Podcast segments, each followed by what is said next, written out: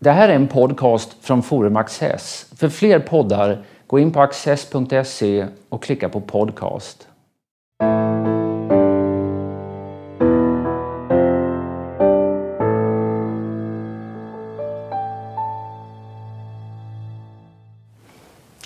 Välkomna till Studio Access.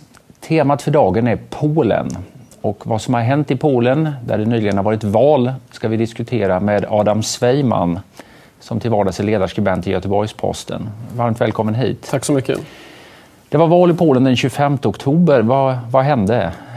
Ja, det gamla regeringspartiet Lag och rättvisa, eh, Prawo i Sprawiedliwość, tog, gjorde en enorm seger och partiet som har styrt landet under åtta år, Medborgarplattformen, PO, eh, kraschade totalt. Så att hela landets politiska eh, Eh, så att säga, geografi har förändrats över en natt. Och vad som är historiskt intressant här är också att den polska vänstern som gick till val i en koalition eh, hamnade under spärren på 8% som är spärren för koalitioner. Mm. Och detta delvis på grund av att ett litet eh, vänsterparti som heter Razem tillsammans gick, på, gick till val på eget, så säga, en egen ticket. Okay. Så, så om de hade gått till val tillsammans så, så hade de kommit in? Då hade de kommit in och haft ja. ungefär 10-11 procent. Men nu står alltså Polens eh, riksdag, Sejmen, står utan vänsterparti. Och det här är ju i princip utan motstycke i Europa. Så att i parlamentet finns just nu Lag och rättvisa då, som är ett högerkatolskt parti, eh, vänsterekonomiskt, Medborgarplattformen, högerliberalt parti. Kokis 15 som är ett populistiskt parti, lite svårt att kategorisera. Ett liberalt parti som heter Nowoczesna, Moderna. Och ett litet agrart parti som har funnits i polsk riksdag för alltid. Väldigt annorlunda parlament. Mm. Intressant. Vi ska komma tillbaka och titta lite noggrannare på det här eh, valresultatet. Men låt oss prata lite, sätta in det i en större, större kontext. Mm. Polen var väl kan man säga, ja, man kan ju alltid gå tillbaka oändligt länge, men om vi nöjer oss med att gå tillbaka till liksom uppbrottet ifrån kommunisttiden. Polen var tidiga där. Det, var, det, det förekom solidaritet under, under 80-talet och sen när läget blev skarpare så var man tidigt ute. Man hade de här runda bordssamtalen med kommunistpartiet och, yeah. och oppositionen i början av 89 som ledde till någon sorts halvfria val kan man väl säga. Faktiskt på sommaren 1989. Mm tror jag, i juni. Eh, så det, det knäpp började, islossningen började där. Det var inte färdig befrielse men det kom en bit på väg tidigt. Var, var, varför var Polen tidigt ute? Man hade ju långt, in, långt tidigare på 70-talet redan en ganska välutvecklad opposition. Eh, landet var ju till skillnad från exempelvis Tjeckoslovakien hade ju inte fått en, Eh, en, en invasion av, av ryssar. Mm. Utan ryssarna lämnade i stor utsträckning landet. Så att hela tiden hängde hotet om att Sovjetunionen kan intervenera i landet. Men Sovjeterna kom aldrig. Vilket nog gjorde att man hade lite grann en något, något lättare att bedriva opposition. Sen var ju den polska kommunistregimen var givetvis väldigt hård och man införde undantagstillstånd på 80-talet. Men eh, den demokratiska rörelsen var starkare än i vissa grannländer. Och sen fanns också hela tiden kopplingen till katolska kyrkan. Och det faktum att, att man hade en polsk påve gjorde ju sitt också för att ha en, en symbol för eh, Polen som var starkare än kommunistregimen. Så att det fanns ganska välutvecklade strukturer redan runt solidaritet, runt oberoende intellektuella, Eh, liberala tänket, det där fanns redan på plats. Mm. Det är intressant, för, för, som du säger, det fanns flera olika sorters motståndskrafter. Mm. Men, men, man kan inte riktigt säga att Polen har en lång demokratisk tradition. Kan man det? Nej, men man hade ändå under mellankrigstiden, så hade, trots att man hade en, eh, en man kan inte kalla Piłsudski för en renodlad diktator, men man, man hade ett auktoritärt system, men man hade ändå ett partiväsende. Exempelvis det det agrara partiet eh, PSL, som nu också sitter i Sejmen fortfarande, de har ju existerat under väldigt lång tid. Det är ett väldigt gammalt parti. Och rötterna till den polska eh, högerkatolicismen kan man spåra redan till 30-talet. Så att man har en ganska långa traditioner inte alltid renodlat demokratiska, men man har en lång partitradition som är längre än vad många i väst nog antar att Polen egentligen har. Mm. Sovjetunionen gick in i Ungern 56, ja. gick in i Tjecki, Tjeckoslovakien hette det på den tiden, 1968. Men som du sa, de gick aldrig in i Polen Nej, och det, på, det, på ja. det sättet. Ja. Hur kom det sig? Ja, Wojciech Jaruzelski som ju var eh, kanske väst mest känd för att han hade de mörka solglasögonen. Det var ju på grund av att han har suttit i Sibirien och fått, eh, fått eh, ögonskador. Han berömde sig sent i livet på att hans stora förtjänst var att han hade förhindrat att sovjeterna gick in i Polen eftersom han höll ordning på solidaritet. Han, han skickade in eh, kvällpolisen och säkerhetspolisen. Så att eh, det, fanns, det hängde ju hela tiden ett hot om att Sovjet skulle gå in ifall den polska regimen inte kunde tygla de oppositionella. Eh, vilket man ju egentligen inte gjorde, men man gjorde det så pass mycket att Sovjet inte gick in. Mm. Så att eh, det handlade om att balansera repressionen inne i landet för att slippa en, en, någonting som till och med kommunistregimen visste skulle vara en ännu värre repression. Så att paradoxalt nog så, jag vet inte om det här stämmer givetvis, men paradoxalt nog så var det kommunistregimen som förhindrade Sovjeterna från att komma in i landet. Okej. Okay. Om man tänker då 1989 när det så småningom blir eh, ja, man börjar hålla val och sen 90 hålls väl det första, de första riktiga, mm. riktiga valen. Vad är Polen för ett land då? Ja, det är ju ett land som försöker hitta sin identitet såklart. Eh, man ska komma ihåg att det som sker under 90-talet är inte att alla från den gamla kommunistapparaturen försvinner över en natt. Det är svårt att göra ett land som varit så dominerat av ett parti, av ett byråkratiskt maskineri. Så att väldigt många från den gamla ordningen, funktionärer på alla möjliga olika nivåer, fabriksägare och administratörer, de går ju in i de nya systemen som reformerade demokrater. Ehm, ibland säkert bara för att de inte har alternativ och ibland för att de faktiskt trodde på förändringar.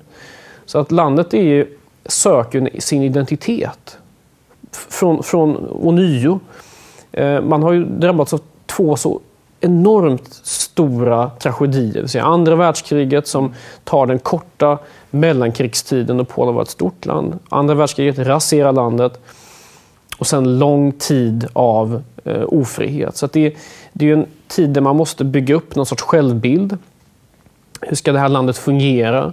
Hur mycket kapitalism ska man ha? Hur mycket ska man vända sig västerut? Eh, identitetssökande. Och det har ju pågått än i våra dagar. Hur blir det där i början så att säga? Om man ska göra det här chockterapi eller försiktighet. Vad valde den polska ledningen på 90-talets början? Polen valde ju väldigt kraftiga liberaliseringar och det, det är ju det kritiserades med all rätt givetvis, för det var, ju ganska, det var en ganska hård behandling, men som landet behövde. Det var ett land som hade haft fullt av priskontroller, monopol, olika typer av regleringar. Man var tvungen att släppa på väldigt mycket av det här. Så vad som hände i Polen, och det hände egentligen i de flesta östeuropeiska länder, var att, att bruttonationalprodukten rasade i början av 90-talet. Mm. Det var ju en kraftig minskning av levnadsstandard, ekonomisk tillväxt, men det där tog igen ganska snabbt. Det är lite olika för olika länder, men runt 96, 97, 98 så har de flesta tagit ikapp det man hade innan brytningen från kommunismen och kanske till och med överstigit den. Och sen dess är det en ekonomisk utveckling utan motstycke. Egentligen. Eh, Polen är ju en success story i ekonomiskt hänseende. Det var väl nästan det enda land som klarade sig utan eh, negativ tillväxt eh, under krisåren. Här. Vad, vad är det de har gjort rätt? Man har, det finns många förklaringar till det här, men Medborgarplattformen som har styrt de föregående åtta åren har ju varit ett väldigt ansvarsfullt parti ekonomiskt. Man har hållit nere statsskulden, man har privatiserat stora Eh, ineffektiva offentliga eh, bolag och hållit nere arbetslösheten. Polen är ju också ett land som har en väldigt stor eh, agrar befolkning, det vill säga många som bor i små städer. Så man har ju fortfarande en del lite grann man kanske inte ska jämföra med Kina för mycket, men Kina har ju hela tiden en reserv av arbetskraft som kan ta sig in i städerna. Den här stora reserven som hela tiden kommer in i städerna, jobbar ganska billigt och ta sig in i systemet. Polen har haft en liknande stor eh, grupp människor som tagit sig in i städerna. Men det har varit ett välskött land. Mm. Mycket utländska investeringar. Ehm. Men det har också funnits en rätt stor grupp av eh, människor från Polen som har valt att söka sig utomlands. Storbritannien, Norge, eh, ja, Sverige också för den delen i viss utsträckning. Så är det. Polen är ju ett, ett land som är ganska ojämlikt och splittrat på många sätt. Eh, och många av de här människorna kommer från Polens fattiga östra delar och jobbar inom hantverksyrken i, i väst. Så. så det är inte så att välutbildade människor från eh, de stora städerna flyttar till Västeuropa och sen fyller man på från landsbygden utan det går direkt ifrån landsbygden? Det, det, det händer ju också. Framgången har ju varit väldigt eh, ojämlikt fördelad. Warszawa har ju växt något enormt mycket under de senaste 20 åren. De väst Eh, delarna i väst som ligger nära Tyskland har alltid varit ganska starka ekonomiskt och har redan från början en ganska stark ekonomiskt, ekonomiskt fundament i termer av industri och liknande. Och även kustdelen runt Gdansk har varit ganska stark. Men det är ett land som är väldigt splittrat med en stor landsbygd. Man får komma ihåg det här Polen hade inte en tvångskollektivisering som var lika omfattande som en del andra östeuropeiska länder. Så man hade fortfarande ganska många små jordbruk kvar i landet. Eh, visst ägde det rum tvångskollektivisering och expropriering av marken. Så att när kommunismen faller så har man ganska många små jordbruk. Och det här har ju fortsatt prägla landet. Som gör att man har fortfarande en ganska stor befolkning ute på landsbygden. Så det där liksom kan man säga då att detta var en tillgång under kommunismen? Att, där liksom att man hade en, ett ägande och, och de gynnsamma effekterna som följer på det. Det var, det var bra för produktionen i jordbruket under kommunismen. Men att du får ett problem efter kommunismen när du har alldeles för många små ineffektiva Exakt. enheter. Det är klart att när man öppnar upp sig för den europeiska marknaden, sen man går med i EU, så konkurrerar du med en rad andra olika marknader. Polen ju, har ju en väldigt stor inhemsk livsmedelsmarknad och man exporterar mycket livsmedel. Men det är klart att det kan bli svårt att konkurrera ibland, trots jordbrukssubventioner. Mm. Så att det, det är en, Polen har utvecklats jättemycket till det positiva på många sätt. Infrastrukturen har gått bra ekonomin har gått bra. Men det här är någonting som inte kommer alla till del. Och det är väl här, här man kan hitta motsättningarna. Alltså den här konflikten stad-land, är, är det den kärnkonflikten? Om vänsterpartierna finns inte ens i, i, i riksdagen nu säger du. Är, är den höger-vänster-dimensionen på något sätt ersatt av av stad-land det finns, det, det, finns fortfarande en vänster-höger-dimension i polsk politik. Bara att den där vänsterdimensionen företräds inte av ett vänsterparti.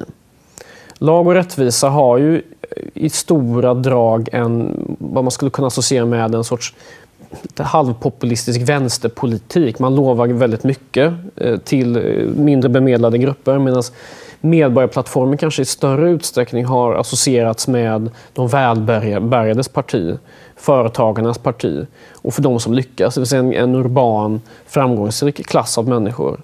Så att vänster-höger-dimensionen finns fortfarande den företräds inte av vänsterpartier. Utan av ett högerparti, alltså i, i, den socialkonservativa, kulturkonservativa ja. bemärkelsen. Och här finns ju likheter. Så det, är det här liksom ett, de som har vunnit valet nu, Lag och rättvisa, är det, som, är det Dansk Folkeparti man ska jämföra med?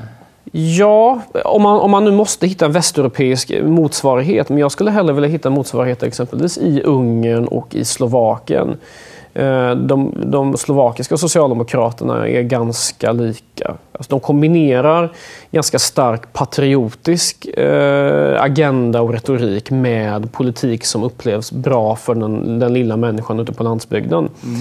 Fidesz i Ungern, som gick från att ha varit ett radikalt liberalt parti egentligen på 90-talet har ju gått till att bli det här statsbärande catch-all-partiet som fångar in alla intressen i samhället. Mm. Och i Östeuropa så är patriotismen väldigt viktig. Eh, och man kan inte glömma grupper som är, eh, är patriotiska, ganska traditionella, men som också har det väldigt svårt. Pensionärer och småbarnsfamiljer. Orban har ju blivit en, alltså den ungerske mm. premiärministern, har ju blivit en sorts nu europeisk ärkeskurk. Mm. Reaktionär ärkeskurk och auktoritär. Eh, och, och, det är väl lite så att mycket likartad kritik har riktats mot eh, premiärministern i Slovakien. Mm. Kommer vi att se något motsvarande i Polen nu, tror du? Det finns redan den typen av kritik. Man har ju, inför valet så var det ju Gazeta Wyborcza, Polens största tidning, eh, vars politiska orientering är liberal, varnade för en urbanisering av Polen om eh, Lag och rättvisa skulle vinna. Eh, om det här kommer ske, det vet man inte riktigt än. Eh, men, men visst är risken större med lag och rättvisa än med Medborgarplattformen att, att landet går i en mer ungersk inriktning. Det vill säga ganska bångstyrigt, anti-EU, patriotiskt, nästan i över eh, för mycket. Eh, och eh, lite mer semi-auktoritärt styre, men det är inte heller säkert. Det finns många intressanta aspekter på det här nu, men om vi ska börja en ände så, så talade du om att liksom Polen som ekonomisk framgångshistoria, en av förklaringarna är det reformer, men det är också att man har lyckats attrahera mycket investeringskapital utomlands ifrån. Jag vet inte hur framstående Sverige har varit i, i det avseendet. Finns det mycket svenska företag? i? Det gör det. Svenska företag var väldigt tidiga med att etablera sig i landet redan tidigt 90-tal. Alltså det, det, är ett kort avstånd och kulturellt är inte avståndet enormt så att svenska företag var tidigt ute, ungefär som i Baltikum. Man inser närheten och att här finns stora öppna marknader man kan ta sig in på.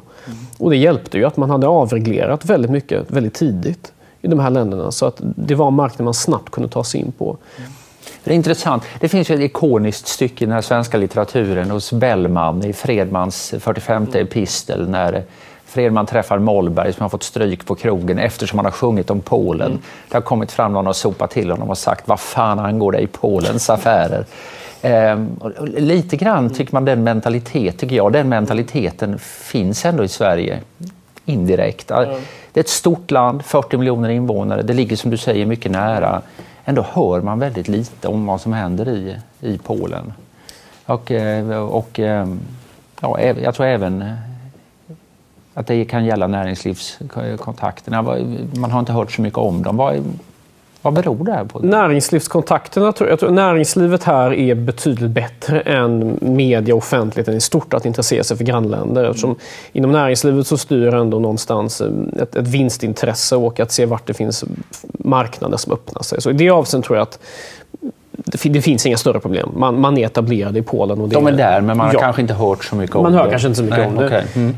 I offentligheten är det, det har väl att göra mycket med att Sverige är ganska, vi är ganska självupptagna i det här landet. Uh, vi är ganska, inte särskilt intresserade av finnarna heller. Vi hör inget om några andra länder heller. Nej, vi har Inte, alltså, Nej. danskarna intresserar vi oss för, för att vi kan klaga på dem. Och, och likaledes norrmännen kan vi också klaga på. De förstår vi dessutom bättre språkligt. Mm. Polen som ju ligger en väldigt nära vet vi väldigt lite om. För att det är ett land som de personliga kontakterna är färre med, naturligtvis. Mm. Och då blir det väl kanske så att den polska diasporan i Sverige, som ändå är ganska stor, en av de största eh, grupperna, eh, minoritetsgrupperna i Sverige, mm. är väl den länken för många. Men det är klart, om Sverige är extra förtjust i länder som man liksom kan förmana och tala om att de borde skärpa sig, ja. som Danmark till exempel, så verkar det finnas nya möjligheter på den polska då, fronten. Då har vi en ny kandidat här, för. Polen kommer ju bli... Redan i den tyska pressen kunde man se dagen efter valet väldigt mycket kritik riktas mot uh, den nya regeringen. Och, och mycket farhågor. Ungern har ju varit det landet. Mm. Problemet med den här typen av kritik, och den har jag väl kanske själv varit lite grann del av, är ju att eh, den är ofta lite onyanserad. Och som Problemet med länder där, där det råder språklig skillnad, eh, som inte har en stor engelskspråkig press, är att då, då blir det oftast ett filter via ett fåtal uttolkare i landet, vilket kan grumla bilden av vad som egentligen händer i landet. Och då får man den här typen av väldigt enkelspåriga bilder av vad som händer. Eh, och det, det är inte bra, utan det, det behövs en eh, djupare, mer mångfacetterad förståelse för vad som händer i ett land. Så jag är lite rädd för att det kan bli väldigt mycket skriverier av en ganska tråkigt slag kommer till Polen nu. Mm. Värre än du tror att det kommer att finnas reella skäl till. Man, man kan säga att de här Lag och rättvisa har ju levererat liksom, tunga politiska positioner. Var, landet hade en president ja. eh, från Lag och rättvisa mellan 2005 och 2010. Det ledde inte till att man avbröt moderniseringsprocessen? Nej. Eller? Det, det så, den största farhågan just nu eh, som finns inne i landet, från, i alla fall från många liberaler, är att eh, Lag och rättvisa vill göra konstitutionella förändringar. Att de vill göra ganska genomgripande konstitutionella förändringar som ger, dels lägger mycket mer makt hos presidenten, som gör att man får någon sorts eh, mer presidentiellt eh, system där man kan styra en dekret att domstolarna blir mindre eh, oberoende, blir mer politiserade. och en rad andra konstitutionella förändringar som skulle göra landet mer mer patriotiskt eller mer nationellt på något sätt. Det, fin det finns en, en bild som odlas av Lag och rättvisa att, att landet är eh, ockuperat av eh, för Polen främmande idéer och värderingar. Många bedömare menade bara dagen efter valet att Lag och rättvisa kommer inte att intressera sig för att förändra ekonomin i landet. De bryr sig inte om finansministerposten och vad man ska göra där. Där kommer det vara oförändrat. Utan vad de intresserar sig för det är utbildningsdepartementet, kulturdepartementet. Man var tidigt ute med att, att kritisera att nu, nu kommer de som har kritiserat oss tidigare i statstelevisionen, det vill säga motsvarigheten till SVT, nu kommer de ryka. Kända journalister som är, har varit väldigt kritiska mot lag och rättvisa. Eh, så det, är, lite av ett kulturkrig man har i landet. Men ett kulturkrig som inte innehåller elementet invandring, inte i lika stor utsträckning som i Sverige. Det är klart, invandring har diskuterats. Mm. EUs kvoter som man förkastade då från eh, Lag och rättvisa och där Medborgarplattformen varit negativt men ändå varit lite mer positivt att ställa upp för EU. Det, det här är ett kulturkrigsval eh, som har ägt rum. Och det... När, man, när de, de säger att de, landet är nu invaderat av de här utländska idéerna, så att mm. säga, jag, jag, lite grann kan man säga att detta var en del av planen eh, eh, från ledarskapet under en period. Liksom ja. Man var snabb med medlemskap i, i Nato. Eh, man har, gick med 2004 i EU och har liksom varit ja, EU har varit en viktig faktor för, för liksom att det har gått bra för, för Polen. Nu sitter Lag och rättvisa finns i samma grupp i Europaparlamentet som de brittiska konservativa och är ja, EU-skeptiska får man väl säga. Är, är det här en... Eh, kan vi se fram emot stora konflikter mellan Warszawa och Bryssel och de andra huvudstäderna framöver?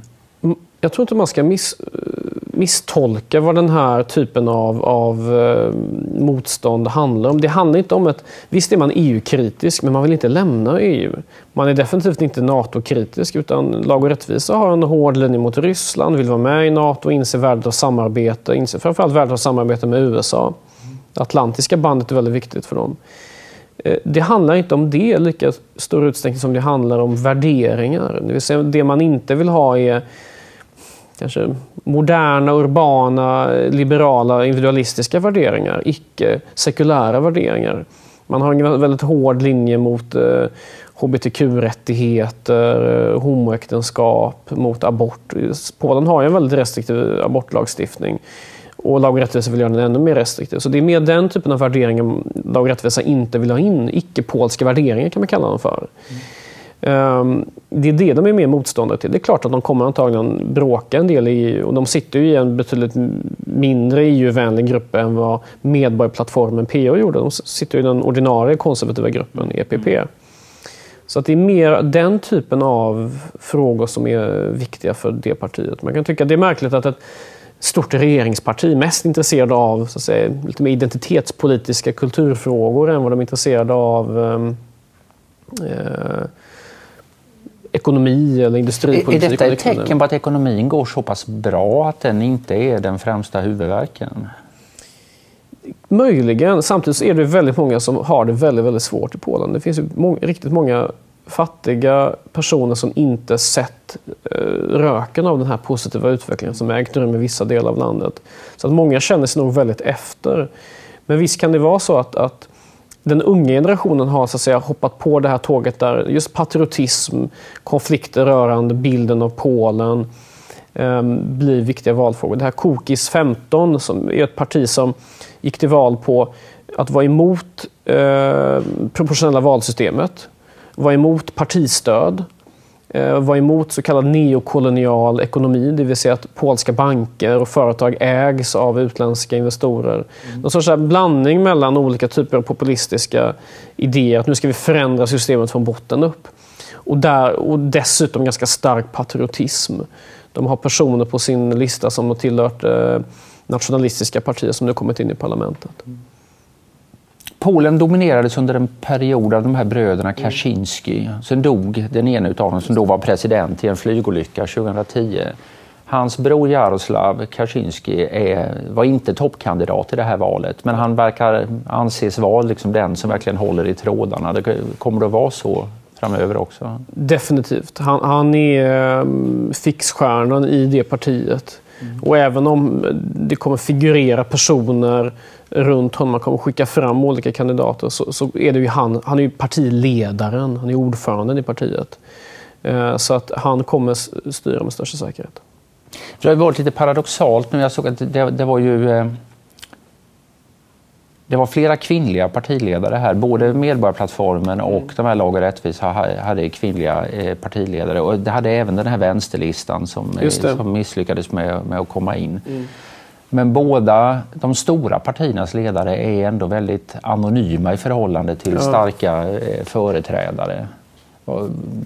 Betyder det här någonting eller är det bara en tillfällighet? Det är nog en tillfällighet. Eva, Eva Kopacz, Medieplattformens ledare, har ju... Det är den avgående premiärministern nu? Ja, precis. Valförloraren, så att säga. Ja, hon tog ju över efter Tusk, mm. vilket är svårt. Han var en väldigt populär politiker, ledde landet framgångsrikt. Mm. Och hon eh, har inte haft det lätt. Man hade en spionskandal, det vill säga avlyssningar. Högt uppsatta PO-politiker diskuterade, läckte. Man har haft andra typer av skandaler. Hon har inte haft något bra läge. Och, och hon har inte heller varit, särskilt duktig på att förklara varför, varför ska PO fortsätta styra landet. Mm. Så att, eh, att det råkar vara kvinnor, det är nog en, en tillfällighet. Att det råkar gå dåligt för henne har att göra med att hon fick ingen, hon fick ingen bra hand så att säga att, att, att arbeta med. Mm. Ja, det gick ju mycket bättre kan man säga för hennes kvinnliga rival då, ja. eh, Beata Schüll. Mm. Eh, som, eh, som vann stort, även om hon inte var speciellt känd. Det, det, det var nog mer Kaczynski som, som så att säga, symboliserade det partiet, även om hon har klarat sig hyggligt i debatter och så. Avslutningsvis, det har gått fort det här. Eh, du beskriver ett parti som har vunnit, som är ett, ja, en sorts nationalkonservativt eh, parti med starka och ja, traditionalistiska kan man väl säga, värderingar i moralfrågor. De har så vitt jag förstår fått ett överväldigande stöd bland just unga väljare. Ja. Vad är förklaringen till det? Det går liksom på tvärs mot hur det ska vara i, i, i övriga Europa. Polen är ju ett väldigt annorlunda land än Sverige. Alltså man har en, en, en berättelse kring den polska nationens överlevnad som skiljer sig väldigt mycket om från många andra länder. Från Sverige definitivt. Ehm, och om, man, om man knyter sig väldigt nära den här polska idén om självständighet, styrka, att vi ska överleva minsann och vi ska värna och skydda polska intressen. Man, man kan vinna den eh, och, och, utmåla sina fiender som illojala, som femte kolonner som egentligen skäms för Polen. Då vinner man väldigt mycket. Bland unga polska väljare så är det just lag och rättvisa.